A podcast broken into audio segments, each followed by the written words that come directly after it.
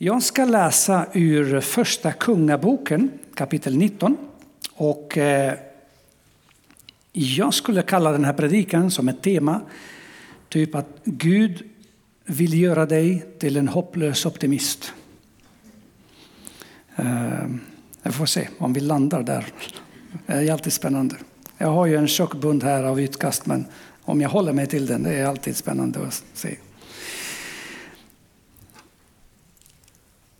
Ahab berättade för Isabel allt som Elia hade gjort och att han hade dödat alla profeterna med svärd. Då sände Isabel bud till Elia och lät säga må gudarna straffa mig både nu och i framtiden om jag inte imorgon vid denna tid låter det gå med dig som det gick med profeterna. När han fick höra det bröt han upp och flydde för sitt liv. Han kom till Beersheba i Juda och lämnade där sin tjänare. Själv gick han en dagsresa ut i öknen. Där satte han sig under en ginstbuske och önskade sig döden och sa, nu är det nog, Herre, ta mitt liv, för jag är inte bättre än mina fäder. Elia la sig under, ner under ginstbusken och somnade. Men en ängel rörde vid honom och sa till honom, stig upp och ät. När han såg upp fanns där vid huvudändan ett bröd bakat på glödande stenar och en kruka med vatten. Han åt och drack och la sig ner igen. Men Herrens ängel rörde vid honom igen för andra gången och sa Stig upp och ät, för annars blir vägen för lång för dig. Då steg han upp och åt och drack. Sedan gick han styrkt av maten i 40 dagar och 40 nätter ända till Guds berg Horeb. Där gick han in i en grotta och i den stannade han över natten. Då kom Herrens ord till honom. Han sa till honom, vad gör du här Elia? Han svarade, jag har verkligen ivrat för Herren Guds Sebaot. Israels barn har övergett ditt förbund, rivit ner dina altaren och dödat dina profeter med svärd. Jag ensam är kvar och de försöker ta mitt liv. Herren sa, gå ut och ställ dig på berget inför Herren. Då gick Herren fram där och en, stark, en stor stark storm som ryckte loss berg och bröt sönder klippor gick före Herren. Men Herren var inte i stormen. Efter stormen kom en jordbävning, men Herren var inte i jordbävningen. Efter jordbävningen kom en eld, men Herren var inte i elden.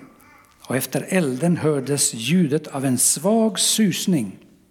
Och när Elia hörde det gömde han sitt ansikte med manteln och gick ut och ställde sig vid ingången till grottan. Då kom en röst till honom som sa, vad gör du här Elia? Och historien fortsätter, men jag stannar där.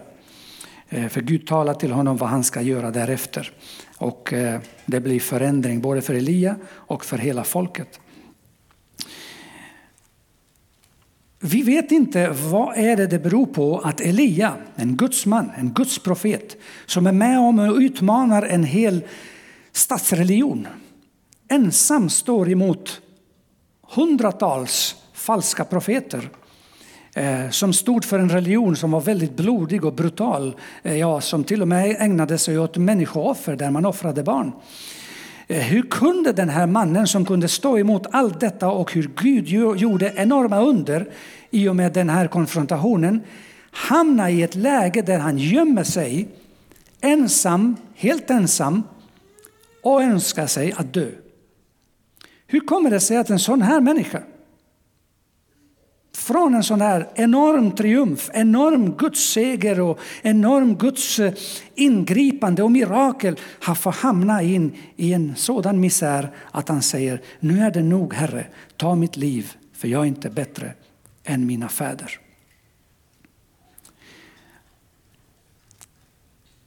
Vi vet inte varför han gör så. Det står ingenting om Elia, om hans barndom, det står ingenting om hur han växte upp. Vad hade han för trauma, vad hade han för uppväxt? Vad, vad, vad, vad har han varit med om? Vi vet inte. Men vi vet, eller åtminstone kan utgå ifrån att oftast när människor möter en sån här riktigt skarp läge, när det är tufft, när kanske livet blir, eller blir frågan om livet, hot om livet, riktig, riktig kris Oftast då så kommer det fram det vi har burit inom oss under åratal. Man brukar säga att om du klämmer en melon tillräckligt hårt så småningom så kommer det fram det som finns inuti. Och det är lite så med oss människor. När det klämmer till riktigt ordentligt i livet så pyser det ut saker och ting. När vi blir hungriga kommer det fram saker. Vi behöver inga livskriser ibland för att det ska komma fram ett och annat. Men det är väldigt intressant, väldigt märkligt, tragiskt på ett sätt att Elia får vara med om detta. Han har alltså två problem, Elia, och det kommer fram här. Han säger, jag är hopplös. För han jämför sig med sina eh, ja, vad heter det, företrädare, eller de som har gått före honom, förfäder. Så jag är inte bättre än mina fäder. Ta mitt liv. Jag är helt värdelös. Jag är helt hopplös. Jag kommer ingenstans. Vadå ingenstans? Du var ju med om att förändra det hela, hela landet. Nej, jag har ingenting. Jag är hopplös. Så det, det är ett hjärnspöke i Elia. För verkligheten är en annan. Och inte minst Gud bekänner sig vid honom. Han griper in. När Elia ber så pang! Det händer saker. Men Elia har problem med sig själv. Uppenbarligen. Det är som jag ser det. För han jämför sig med sina förfäder. Jag vet inte vilka förfäder han jämför sig med. Han jämför sig. Och det är en väldigt dålig idé att jämföra sig med andra människor. För ofta så ser du det bästa hos andra människor och du ser det sämsta hos dig själv och du jämför det. Ekvationen blir inte bra. Eller hur? I'm preaching, verkar som. Ett annat problem han har också det är att han ser sig själv som ensam i allt detta som händer. För han säger, med andra ord, han säger Israels barn har övergett ditt förbund, rivit ner dina altaren, dödat dina profeter med svärd. Jag ensam är kvar och de till och med försöker ta mitt liv. Det är synd om mig. Hela landet är ju i upplösningstillstånd. Guds folk, ja, finns de? Det är jag ensam kvar i detta. Jag går igenom något fruktansvärt som ingen annan håller på att gå igenom. Det är också en dålig idé. Att se sig själv som ensam i livets hårda skola. Eh, för vi är i god sällskap med väldigt många som går igenom väldigt mycket. Och ändå så härdar de ut. Så eh, Elia har problem med sig själv och ser på sin omgivning med glasögon som inte har så fin färg på sig. Du vet, det här talar till mig så otroligt mycket. För jag, även på ett helt annat sätt, har varit med om det hela. Jag har inte varit med om några enorma mirakler där Gud griper in och så en hel nation förändrar sig. Nej. Men jag växte upp i en miljö där man sa till mig att jag var oönskad. Jag borde inte ha fötts. Min mamma försökte döda mig i magen med, innan jag föddes. Inte för att hon hatade mig eller inte vill ha mig, utan av barmhärtighet till mig. För vi var ju fattiga i Montenegro, i en albansk släkt. Eh, på 60-talet. Länge sedan. Alltså. Jag sa ju att jag var en dinosaurie. Eh, men hon, hon visste att sjätte, eh, sjunde barnet om jag också föddes, det skulle inte bli tillräckligt med mat. Så det var ju bäst att jag dog. Men envis som jag är, var och är, vägrar du. Vadå döda mig? Nej du. Överlevde. Så hon sa till mig från början, jag växte upp, äh, du skulle inte ha fötts egentligen.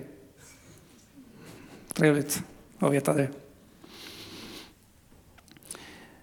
Och så följde detta, det var ett ganska destruktivt miljö. Så följde man, du är ju värdelös, du är hopplös. Du vet, jag föddes med sex tår och sex fingrar. Det, i den miljön där jag var, ansågs som Guds straff mot familjen. De måste ha syndat, alltså föddes jag lite sådär. De tyckte att jag hade fötts vanskapt. Så det var Guds straff till familjen. Så jag var alltså inte det svarta fåret, jag var påminnelsen om att Gud ville straffa familjen. Så varje gång de ser mig, här kommer han. Som påminner oss om att vi är under Guds dom. Så hela miljön präglades av att du är värdelös, du är hopplös, du är hesig, du är så, eh, du är vanskap, du är ful. Alltså, ja. Gick på skolan, var dum, var elak, var bråkig, var stökig. För det är klart, när man hör allt detta hemma, vad, vad blir man? Man börjar tro på det. Man börjar tro på det. Jag är dum, jag är elak, jag är ett misstag, jag borde inte leva, jag borde inte finnas. Så jag på skolan, det var bara bråk, bara slagsmål, det var bottenbetyg på allt. Det var bara problem och problem och det fanns ju inga stöd, stödlärare på min skola. Utan där fick man stryk för att man betedde sig fel. Det är en annan planet jag kommer ifrån, jag vet, jag vet.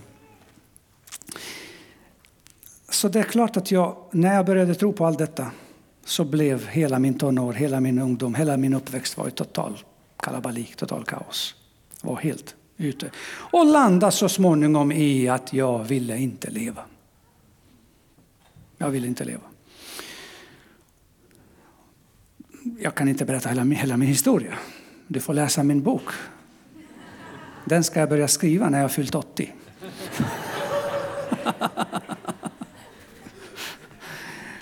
Eh, men i och med kriget, jag blev inkallad i kriget och det var massa si och så. Och så, ja. så småningom så landade jag i Sverige.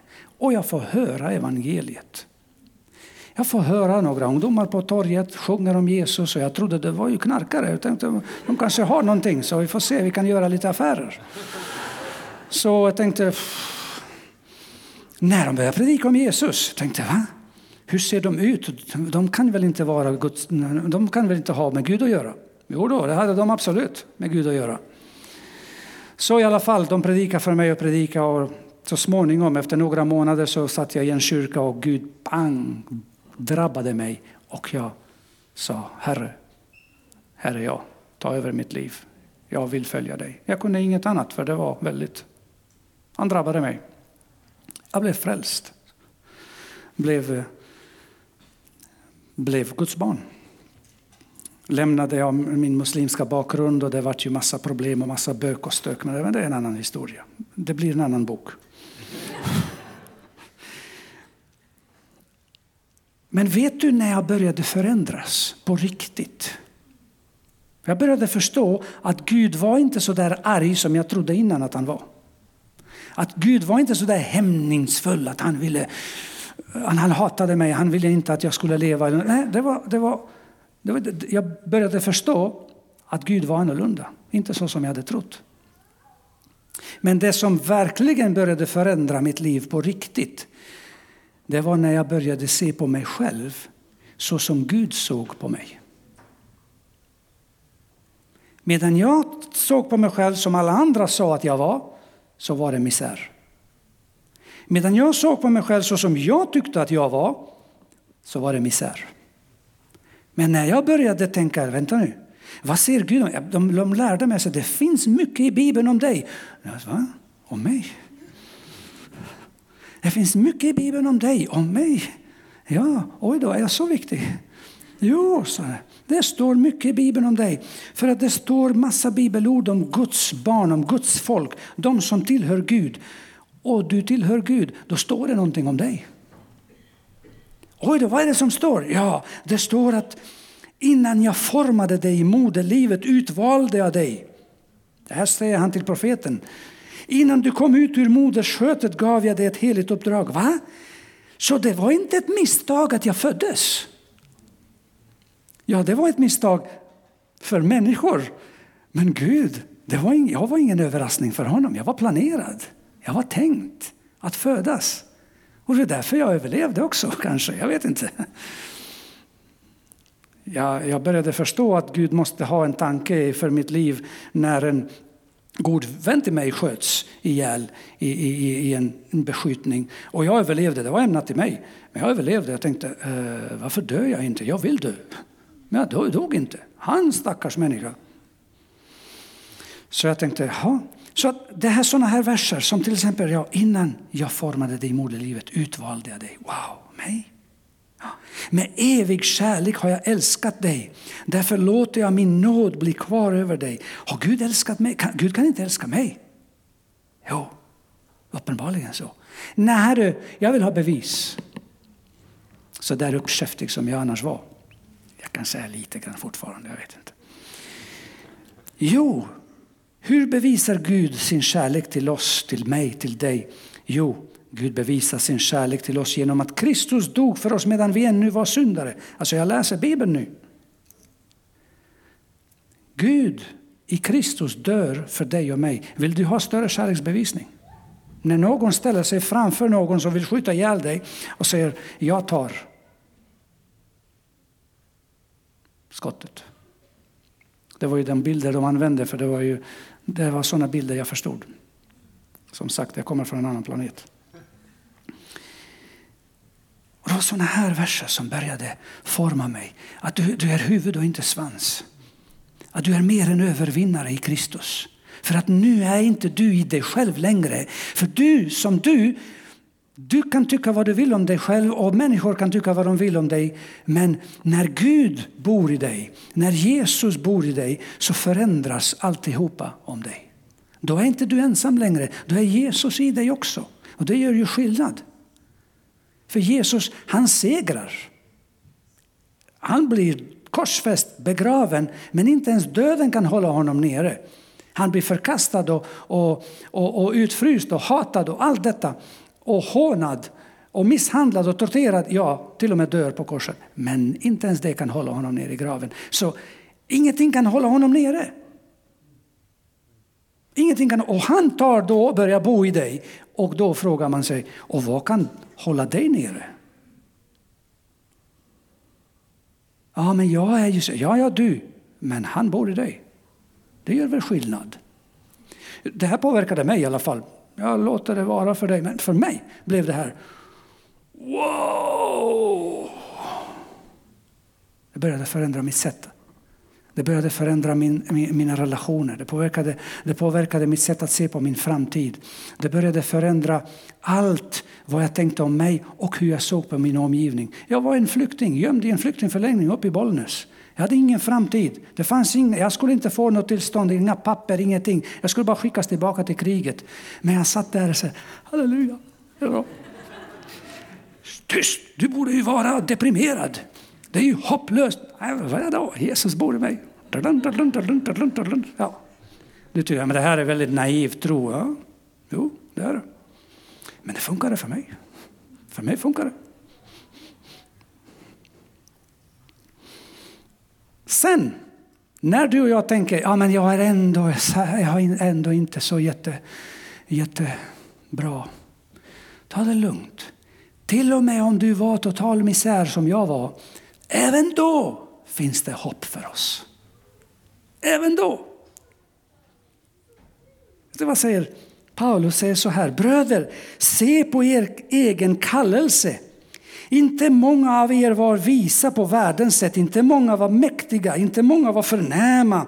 Nej, det som för världen var dåraktigt, alltså mig, utvalde Gud för att förödmjuka dem som tycker sig vara någonting speciellt. Och då, det som för världen var svagt utvalde Gud för att förödmjuka det starka.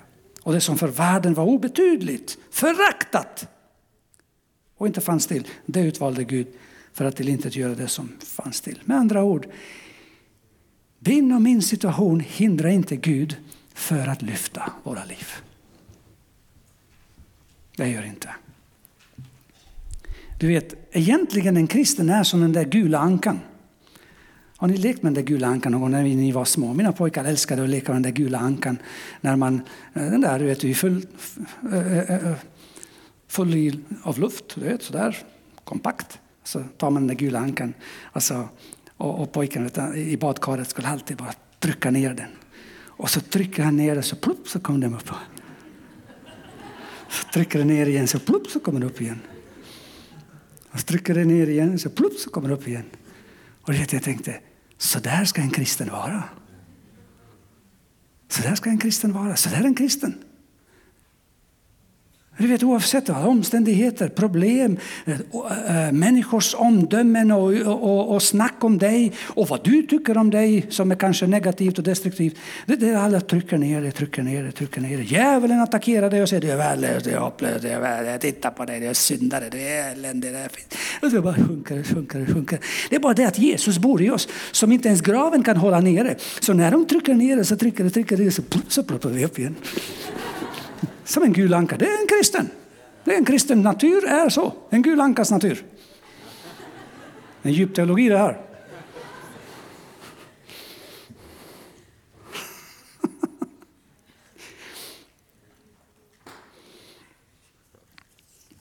Sen det jag också lärde mig med åren.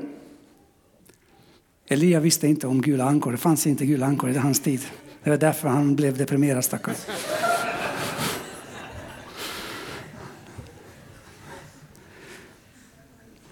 Jag vet ni som är äldre teologer och har läst exegetik. Jag har läst exegetik, jag vet vad jag pratar om. Men lugnt, lugnt, lugnt. Vi snackar sen om du vill. Hermeneutik och exegetik och allt dessa. Ja. Var är jag nu? Jo, du vet, jag lärde mig att vända allt det negativa jag hade varit med om i mitt liv och fortfarande gör det. Försöker att vända det negativa till något positivt. Jag har sett hur Gud gör. Helt otroligt. Det mest eländiga, mörka kapitel i mitt liv. Jag ser hur Gud använder det för att beröra människors liv och för att komma in i deras hjärtan. Helt otroligt alltså. Helt otroligt. Berätta lite. Jag är inne i en klubb, en viss klubb. Motorcykelklubb. In i den här baren. ACDC. Highway to hell sjunger i bakgrunden. Uh, sitter vi där och den här gubben han bara sitter här. Pratar inte med någon, tittar inte på någon. Sådär. Och jag hade sett honom många gånger. Uh, gick inte att prata med honom. Jättearg. En viss medlem i en viss klubb. Så rätt vad det är, jag sitter vid baren där så kommer han och börjar prata med min amerikanske broder, klubbbroder. Jag börjar prata med honom. Ah, I like America, ah, I know Americans. Så, oh, han pratar med min broder. Intressant. Så jag närmar mig. Så, ehm, ja, så du, du, eh, du, ehm, du kan engelska? Ja, jag kan lite engelska. Så jag har varit med i, en, eh, i Främlingslegionen. En, en viss eh, specialstyrka, militärstyrka. Och jag var på många uppdrag i världen och jag hade amerikaner i min, i min grupp, sa han, så jag lärde mig lite grann. Jaha, så var har du varit någonstans då? Uh, ja, sa han, uh, jag har varit i många krig. Så. Uh, eh, varit på Balkan? Ja, jag har varit på Balkan, så.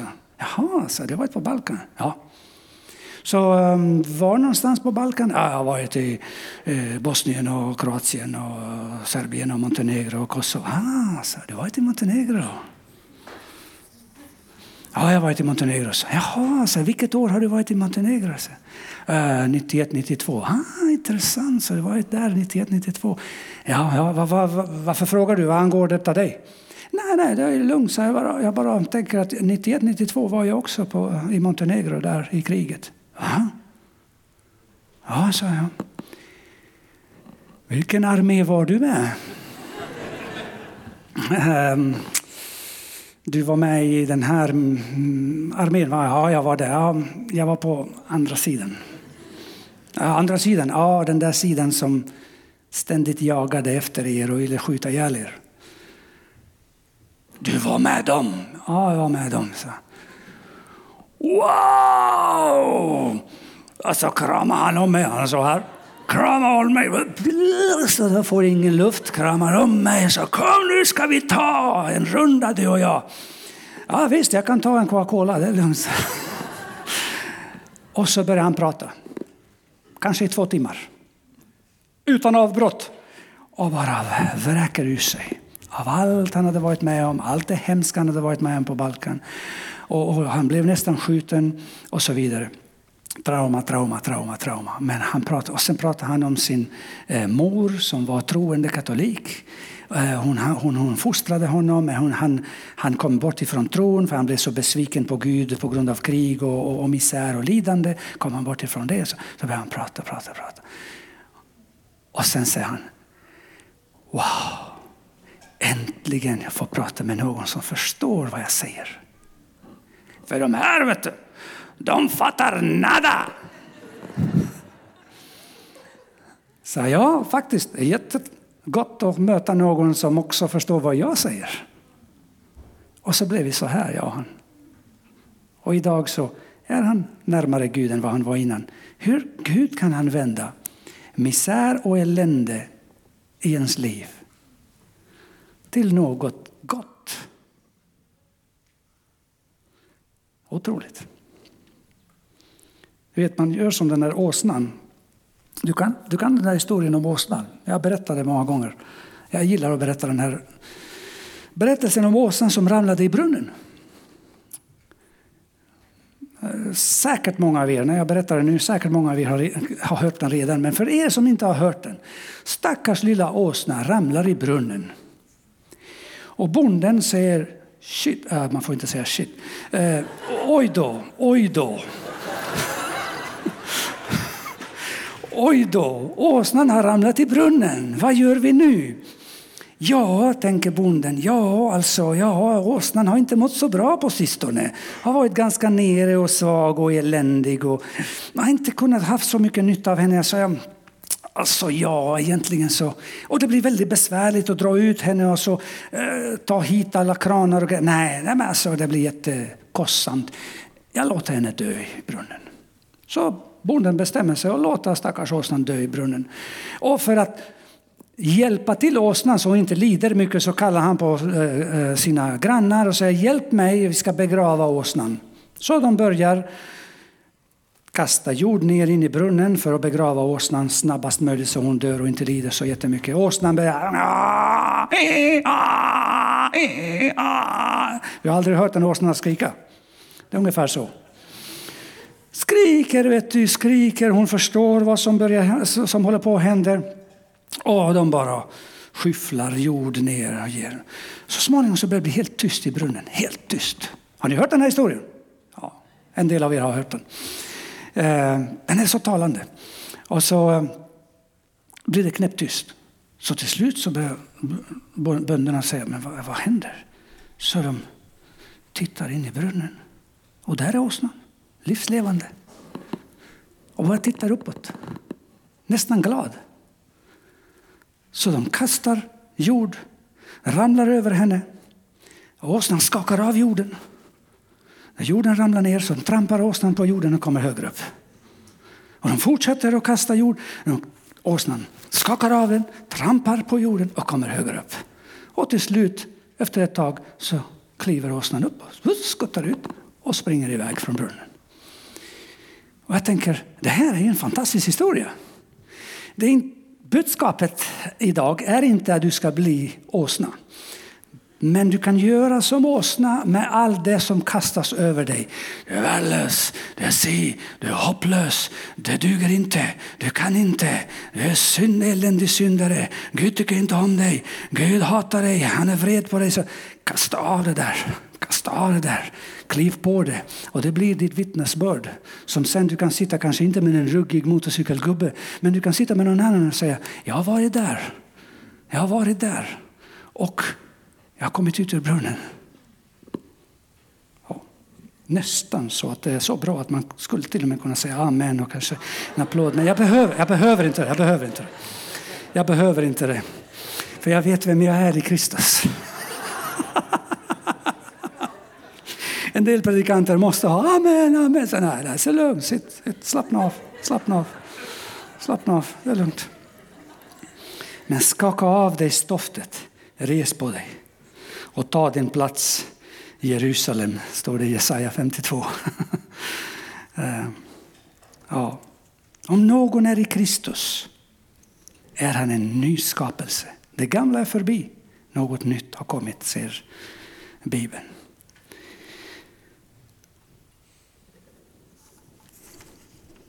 Så vem är du? Och hur ser du på din omgivning? Det har mycket att göra med vilka röster lyssnar du på. Jag lyssnade på den där stilla susningen, den där stilla rösten som Gud började tala till mig genom Bibelns ord. Och det började transformera mig inifrån och sen ut. Fullständigt, fullständigt. Du vet, många tycker att Ferro, wow, fantastiskt vilka grejer ni får vara med om och hur Gud använder er. Men de vet inte misären. De känner inte till, det varifrån, de känner inte till varifrån jag kommer. Men jag har varit djupt in i brunnen. Djupt in i grottan som Elia och önskat mig döden flera gånger. Jag har till och med försökt det. Men det har revolutionerat mitt inre.